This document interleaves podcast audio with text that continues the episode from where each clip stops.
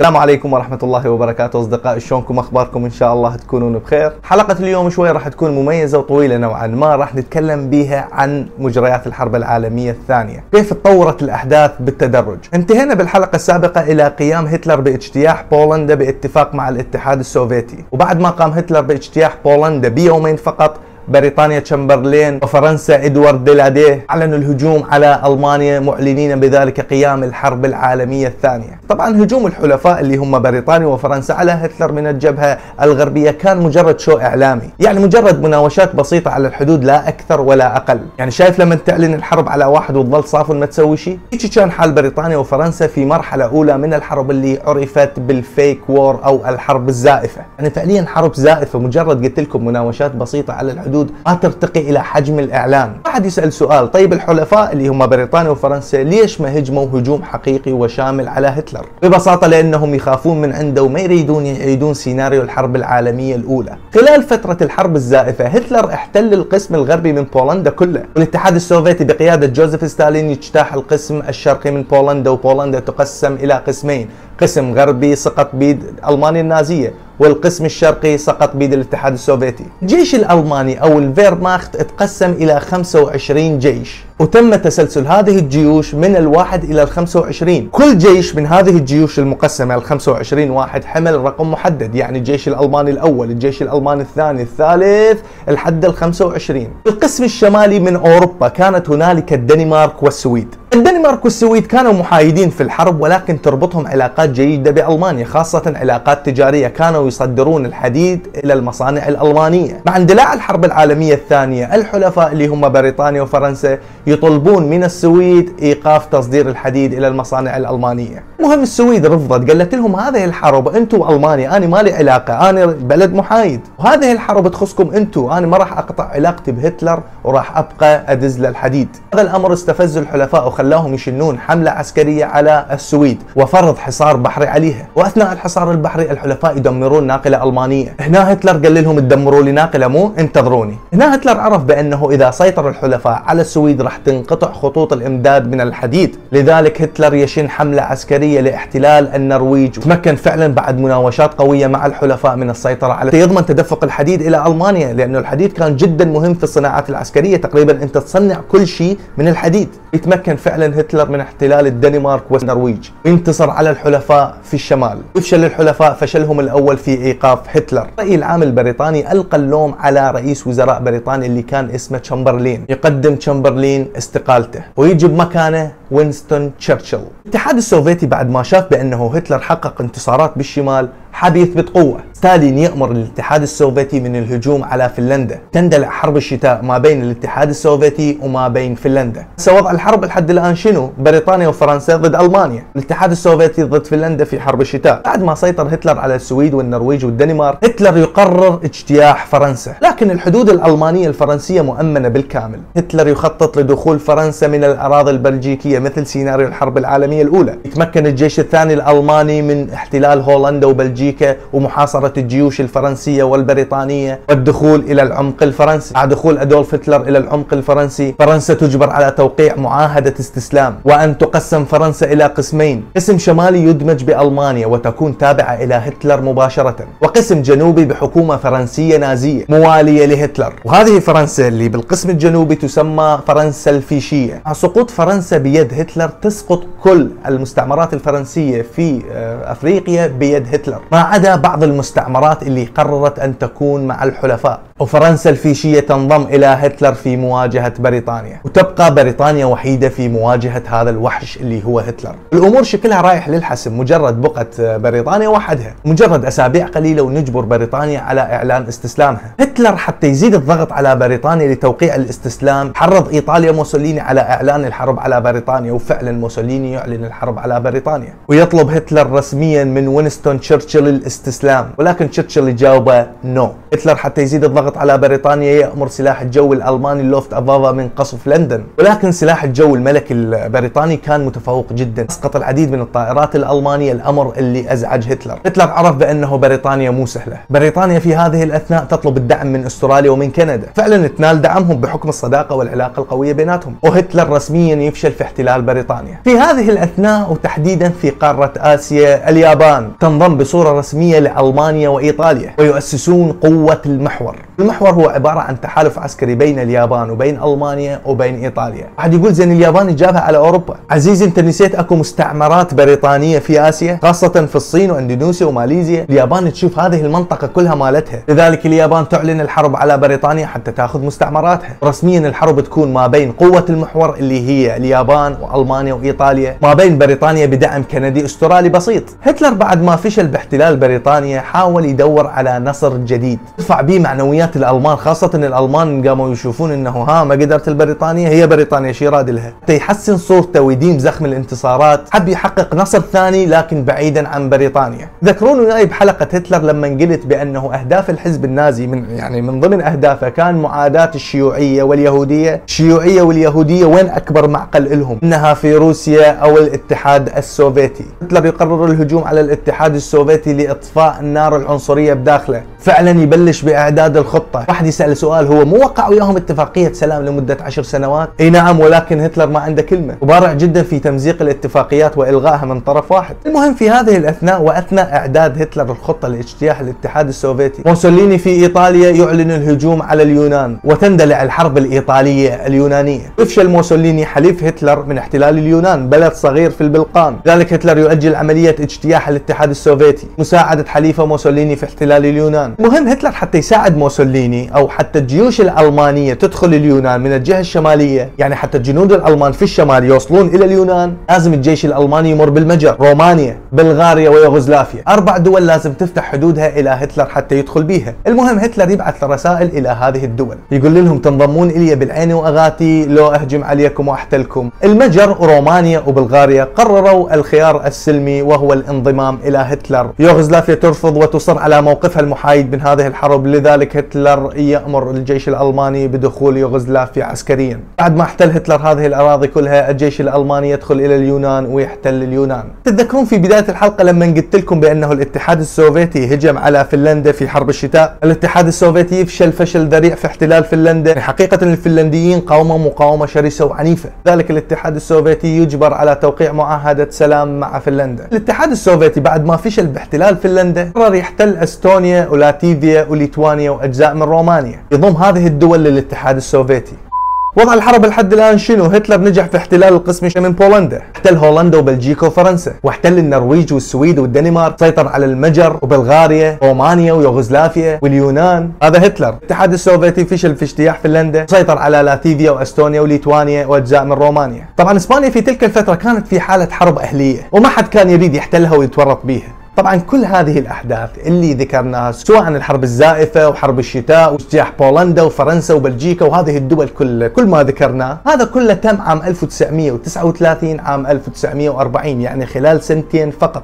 ندخل بالعام 1941 العراق الطبقة السياسية الحاكمة في العراق انقسمت إلى قسمين رئيسية. قسم شافوا انتصارات ألمانيا وبقت بريطانيا ومجرد بريطانيا أشهر وتستسلم. وهذا كان المتوقع. ذلك بدأوا بالتحركات النازية والتقرب من هتلر. هذا القسم المؤيد للنازية كانوا بقيادة رشيد علي الجيلاني والعقداء الأربعة. اللي هم كانوا كامل شبيب فهمي سعيد محمود سلمان وصلاح الدين الصباغ. دول كانوا يشوفون المستقبل مع ألمانيا. لذلك لازم نتحرك ونتقرب من ألمانيا. القسم الثاني هو القسم الموالي لبريطانيا اللي تمثله الطبقة المالكة في العراق، تحديدا الوصي عبد الإله والرئيس الوزراء نوري سعيد. لما اندلعت الحرب العالمية الثانية الحكومة الملكية في العراق قاطعت ألمانيا وإيطاليا، وهذا الأمر استفز رشيد علي الجيلاني لأن خسارة بريطانيا المرجحة هذا يؤدي إلى انهيار العراق، ذلك يقود رشيد علي الجيلاني مع العقداء الأربعة انقلاب عسكري، ما يعرف بحركة مايس 1941 وينجح الانقلاب ورسميا يصبح رشيد علي الجيلاني رئيس وزراء العراق ويهرب نوري سعيد الوصي على العرش الملكي عبد الإله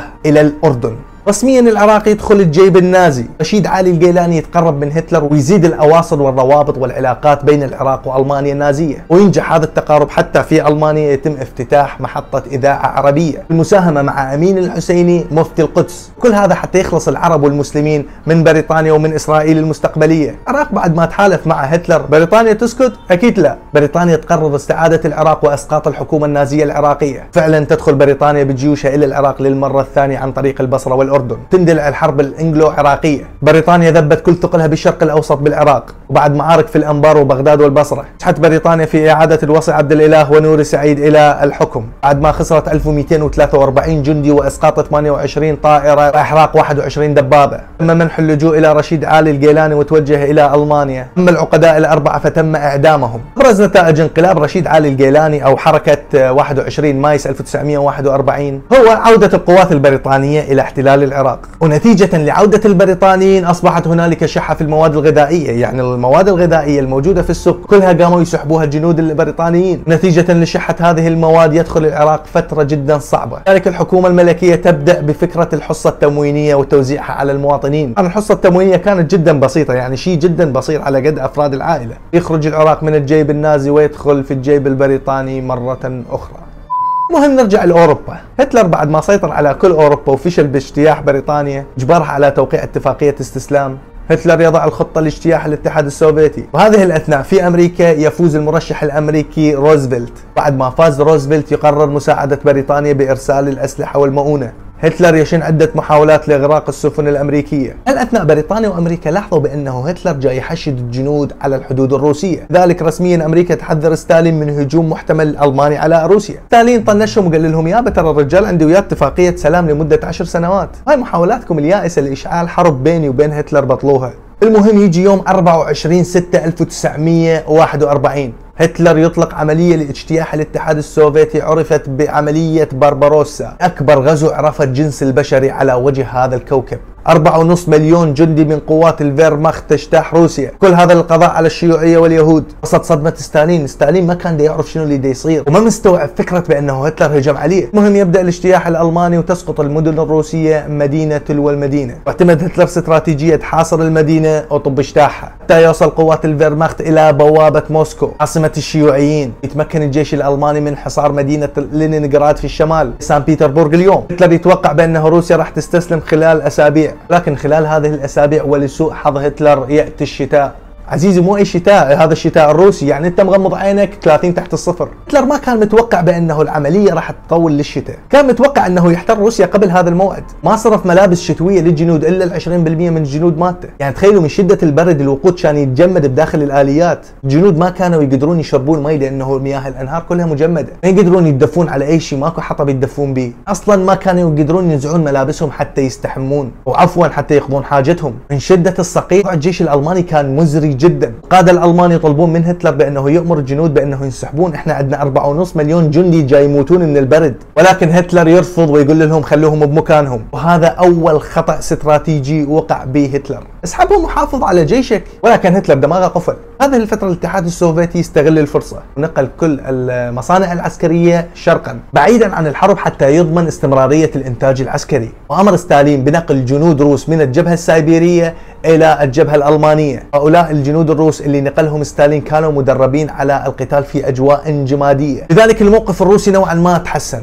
طبعا الاجتياح الألماني لروسيا تخلل مجاعات فظيعة جدا. صار مدينة لينينغراد في الشمال. شهدت موت أكثر من مليون مدني من الجوع ونقص الغذاء والدواء والماء. ماكو وقود ماكو غذاء يدخل لها ماكو مي. يعني تخيلوا الناس قامت تاكل الجثث اللي بالشارع شهدت المدينة حالات متوحشة. البشر قام ياكل البشر الثاني يصطاده تخيل ابنك يطلع للشارع بعد ما يرجع. ياكلوه يعني شيء ما يصدق العقل. ويبقى الحال كما هو. في اسيا اليابان حبت تثبت نفسها بأنه هي قوية. اليابان بواسطة الطائرات تهجم على السفن الأمريكية في ميناء بيرل هاربر. ويهاجمون المستعمرات البريطانية في الصين. نتيجة لهذا الهجوم أمريكا تعلن الحرب على اليابان. هتلر من يمه يعلن الهجوم على أمريكا. هذا هو ثاني خطأ استراتيجي يقع به هتلر. تشعلك بهم ما مضطر أنه تعلن الحرب على أمريكا. نتيجة لإعلان هتلر الحرب على أمريكا أمريكا رسميا تنضم إلى الحلفاء. اليابان كانت تعتمد في هجومها على السرعة وليس على القوة. لذلك تشوفهم حققوا نجاحات قوية جدا في آسيا. اليابان تحتل الصين الفلبين ماليزيا إندونيسيا غوام سنغافورة تايلاند. جزر سليمان يوصلون إلى حدود حدود الهند وحدود استراليا. المهم مع انتصار اليابان في آسيا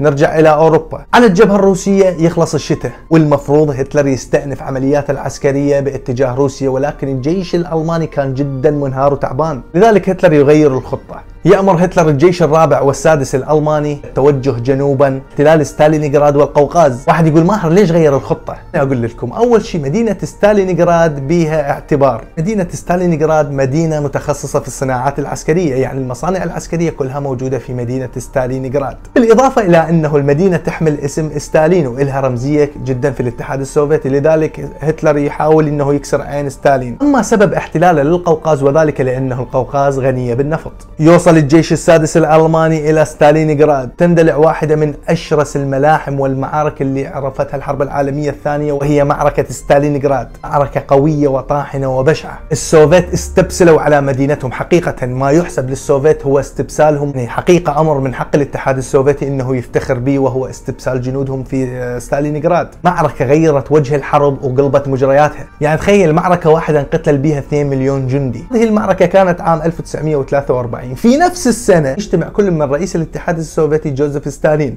مع الرئيس الأمريكي روزفلت مع رئيس وزراء بريطانيا وينستون تشرشل. يقررون دول الثلاثة توحيد قوتهم في مواجهة هتلر وضرورة التنسيق العسكري والاستخباراتي بين هذه الدول. المهم ينتصر الجيش السوفيتي في معركة ستالينغراد. أو أنا أسميها ملحمة ستالينغراد وتبدأ القوات السوفيتية بمحاصرة الجيش السادس الألماني. الجيش السادس الألماني يعلن استسلامه في أول انتكاسة حقيقية لهتلر. بعدها مدة قصيرة أمريكا وبريطانيا يتمكنون من السيطرة على كافة المستعمرات الإيطالية والألمانية في أفريقيا ويفشل ثعلب الصحراء رومل من المحافظة على المستعمرات ويطرد إلى أوروبا. اليابان تخسر المواجهة البحرية في جزيرة ميدوي أمام الأسطول الأمريكي. الحلفاء من أفريقيا يتمكنون من السيطرة على جزيرة صقلية. ويبدأ قصف عنيف على روما عاصمة إيطاليا حليفة هتلر. الإيطاليين شافوا بأنه شبح الحرب اقترب من عندهم لذلك يتم عزل موسوليني وطرده من الحزب الفاشي. هذا الأمر خلى هتلر يجتاح إيطاليا. فعلا يدخل الجيش الألماني إلى إيطاليا. في عملية عرفت بعملية المحور. كان هدفها المحافظة على الأراضي الإيطالية وضمان عدم دخول الحلفاء إلى الأراضي الإيطالية. ولكن للأسف الجيش الألماني يفشل ويتمكن الحلفاء من السيطرة على القسم الجنوبي من إيطاليا. الاتحاد السوفيتي يتمكن من تحرير أراضيه بشكل كامل. قدموا من جهة الشرق باتجاه ألمانيا. والحلفاء من إيطاليا يفتحون جبهة جنوبية على هتلر. حلفاء بخطة أمريكية يتمكنون من فتح جبهة ثالثة على ألمانيا. ولكن من جهة الغرب من جهة فرنسا أكبر إنزال جوي في التاريخ في ساحل النورماندي. في ملحمة دموية عرفت بغزو النورماندي. يعني تخيلوا معركة استمرت شهر سقط بها 500 ألف شخص بين قتيل وجريح. المهم انتهى غزو النورماندي بسيطرة الحلفاء على الساحل الفرنسي. بعد مدة زمنية تم تحرير فرنسا بالكامل ويخسر الجيش الثاني الألماني.